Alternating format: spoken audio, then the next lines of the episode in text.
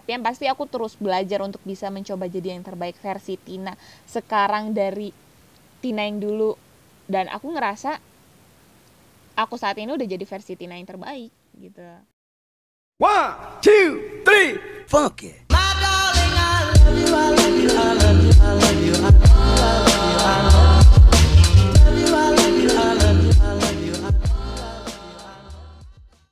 Selamat datang di Twenties Podcast, podcast yang akan membahas seputar kehidupan remaja. aku happy banget ya teman-teman karena um, akhirnya gitu loh aku bisa ngebuat podcast. Udah lama banget kayaknya aku berencana untuk ngebuat podcast dan akhirnya aku bisa merealisasikannya itu sesuatu yang happy banget gitu karena selama ini apalagi di masa pandemi ini ya aku kayak uh, dari dulu gitu ah buat podcast seru nih. Kayaknya buat podcast seru nih apalagi kata orang kan uh, makin banyak di rumah makin produktif gitu. Jadi uh, mumpung lagi di rumah aja bisa nih ngebuat podcast gitu. Terus karena uh, kita makin banyak di rumah menurut aku aku malah bukan makin produktif tapi malah makin molor gitu. Karena ya gitu uh, aku ngerasa kayak udah kuliah online dari rumah, udah ngerjain semua hal dari rumah, rapat dari rumah gitu. Nah, terus ngebantuin orang tua gitu kan.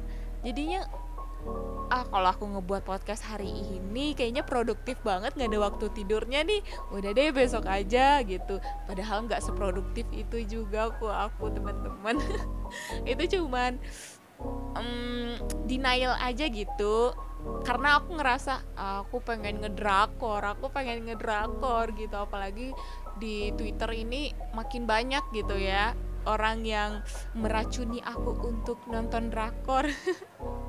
Jadinya ya untuk melakukan kegiatan yang sangat produktif itu nanti aja deh. Kan masih ada nanti. Besok besok bisa kok. Jadi denial aja terus nih anak nih. Emang nih si Tina nih gimana lah? Dan semoga podcast perdana aku ini nih uh, adalah yang denger curahan hati aku ini. Kenapa aku pengen banget ngebuat podcast? Karena menurut aku tuh di usia aku yang udah menginjak kepala dua gitu loh. Itu bukan hanya umur yang tua tapi kita juga harus mendewasakan diri kita juga. Jadi menurut aku dengan bicara dengan diri sendiri itu perlu banget agar kita bisa lebih tahu gimana diri kita dan kita bisa lebih mengenal diri kita itu jauh lebih dalam lagi. Jadi menurut aku nge, uh, dengan cara ngebuat podcast itu salah satu caranya. Dan mari kita lakukan. Oke, di episode perdana kali ini Twenties Podcast cerita. Cerita yang sering banget aku ceritain ke teman-teman. Ke teman-teman deket aku sih. Tapi nggak semua teman deket juga sih karena menurut aku teman deket belum tentu nyaman. Tapi nyaman itu udah dipastikan teman dekat kita. nggak ada yang itu aku bohong. Oke okay, uh, eh, kita langsung masuk aja ke topik episode pertama kita ini ya yaitu tentang miracle. Kenapa sih aku tertarik untuk ngebahas topik ini? Soalnya aku pengen banget berbagi pengalaman aku tentang miracle yang menurut aku nggak semua orang percaya tentang adanya miracle. Contohnya aja nih, waktu aku lagi ngedengerin podcastnya Volix Viniar. Yang episode bareng si Dimas Danang? Eh eh kok si Dimas Danang sih Tin? So deket banget. Tapi tapi teman-teman waktu aku ngenonton eh nonton podcast itu kayak aku langsung interest banget sih sama Kak Dimas Danangnya karena menarik banget gak sih pem, uh, ada orang yang punya pemikiran kayak gitu gitu.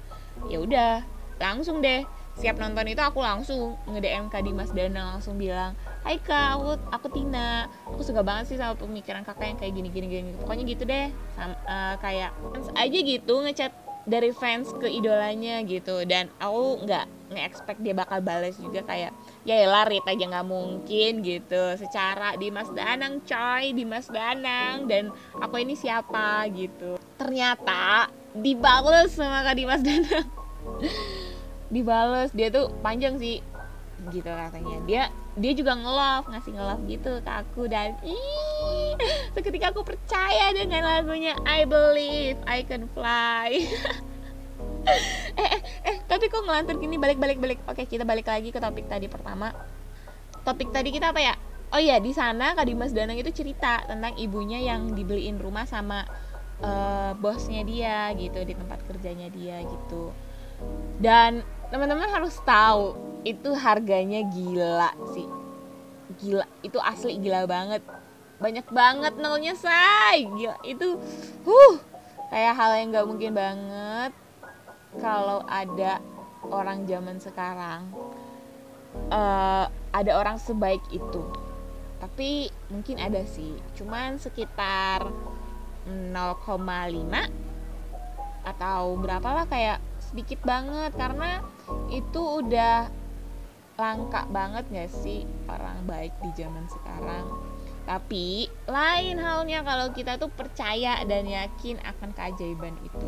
Contohnya aja nih aku pernah sih dulu itu kita bakal flashback. Dulu aku ngerasain yang namanya miracle. Tapi aku baru sadar adanya miracle di hidup aku tuh baru di masa pandemi ini sih jadi ceritanya itu aku ini kan salah satu orang yang gap year ya. Karena aku pengen banget dulu jadi polisi. Dari kecil kayak aku tuh udah didoktrin sama keluarga aku untuk jadi polisi. Jadinya pas ditanya mau jadi apa? Ya polisi. Tanpa tahu alasan dan alasan apa dan kenapanya itu aku juga nggak tahu sih tapi emang ya true love itu nggak mesti pakai alasan. Nggak itu aku bohong lagi. Oke okay. setelah setahun aku nganggur gap year kerjaan aku tuh latihan fisik belajar terus kadang-kadang ngebucin juga lah karena mantan aku juga gap year. Jadi kita sama-sama nganggur tapi bedanya dia lebih produktif dibanding aku. Singkat cerita pas gap year ini ternyata aku gagal lagi untuk bisa jadi poluan. Dan ya saat itu aku ngerasa kayak dunia aku tuh udah hancur banget. Semua usaha aku sia-sia ngerasa ngerasa paling bego sedunia ngerasa paling ah pokoknya insecure parah deh saat itu. Gimana ya pokoknya aku udah mikir yang aneh-aneh deh pokoknya aku udah berburuk sangka banget sama Allah gitu tapi tapi saat itu juga aku dapat pesan dari teman dekat aku. Ini sahabat aku waktu di SMA namanya uh, Fitri Rishananda Hai Nanda, kalau kamu denger ini aku mau bilang makasih banget. Makasih, makasih, makasih yang sebesar-besarnya buat kamu udah ngasih info ke aku. Pokoknya aku doain semua yang terbaik buat kamu dan uh, semangat. Nah, oke okay, kita lanjut. Uh, Jadi dia itu dia ngabarin aku kalau lagi ada pendaftaran. Pendaftaran maba di kampus dia saat itu. Dia dengan dan itu syaratnya pakai nilai lapor eh, nilai rapor kita waktu di SMA dan itu kagetnya anak GPR juga bisa ngedaftar. Terus pas aku tahu itu langsung semangat dong gaskuy masa ada kesempatan nggak mau dicoba? Ya udah daftar gitu. Aku lihat-lihat tuh ada yang menarik nih ternyata jurusannya aku suka gini. Ya udah sebulan aku nunggu dan ternyata aku lulus say asli aku happy banget. Aku bisa lulus di jurusan yang pilihan pertama yang aku pilih. Gimana ya perasaan aku tuh happy bangga terharu. Pokoknya campur aduk deh. Dan ya nggak bisa digambarin pokoknya campur aduk banget. Uh, setelah setelah dua bulan pengumuman itu aku disuruh dari kampusnya untuk daful uh, di kampusnya langsung. Ya udah aku pergi berdua sama mama aku untuk ke sana. Uh, dan ini posisinya kayak pas disuruh daful posisinya aku udah nyari kosan udah beli bulanan juga. Pokoknya udah komplit udah komplit banget deh udah sah jadi anak kosan beneran gitu. Ternyata pas hari H aku udah full jeng jeng. Aku ditolak lagi di depan umum sama kampusnya. Terus aku dibilang pembohong lah dibilang penipu lah ya gitulah pokoknya. Kalau ditanya perasaan aku saat itu ya aku nggak tahu sih. Aku udah nggak ngerasain lagi yang namanya kecewa sedih atau apalah itu namanya. Karena di pikiran aku saat itu ya gimana cara aku bilang ke orang tua aku? Dan perasaannya tuh gimana pas tahu aku ditolak untuk kedua kalinya di tahun itu? Oh my. Gak enak ya flashback itu. Terus ya udah aku disuruh untuk keluar dari ruangan. Aku daftar ulang. Dan di sini aku sambil mikir kenapa ya kok bisa terjadi kayak gini di kehidupan aku? Salah aku apa sih? Kenapa Allah kayak gini ke aku? Lagi dan lagi aku berburu kesangka dan netting banget ke Allah. Dan itu pas aku duduk di lorong aku daftar ulang tiba-tiba aku disamperin sama kakak-kakak BEM. Namanya Kak Safira. Ah ini Kak Safira ini juga berjasa banget di hidup aku dan dia baik banget sih orangnya. Dia bilang e, ke aku disuruh aku disuruh untuk ngadep eh apa ya? Aku lupa sih pokoknya uh, posisinya udah tinggi banget deh di kampus itu aku nggak tahu juga sih humasnya maybe aku aku nggak tahu. Ya udah aku disuruh aja aku ngikutin aja dong apa kata kak Safira. Aku bilang ke kakaknya. Terus waktu aku ketemu sama bapak itu beliau bilang kalau aku ternyata korban dari penipuan akun fake gitu. Terus yang ngasih tahu informasi itu tuh ternyata akun bodong gitu. Bukan akun asli dari kampus itu huh kaget sih aku bisa dapat informasi kayak gini gitu. Ya udah ini solusi dari kampusnya. Katanya kalau aku pengen banget untuk uh, sekolah eh untuk kuliah di sana katanya aku disuruh untuk ikut tes mandiri yang katanya bakal diadain bulan depan. Oke deh siap. Aku bakal gaskuy lagi. Kalaupun aku mesti start dari awal lagi untuk ngurusin administri administrasinya lagi belajar lagi dan ya udah nggak apa-apa. Perasaan aku pas ikut ujian waktu itu tuh aku pasrah banget sih sama keadaan. Mau aku digimanain aku terima ikhlas. Nggak apa-apa. Uh, perasaan aku saat itu kayak hilang semuanya. Nggak tahu sama.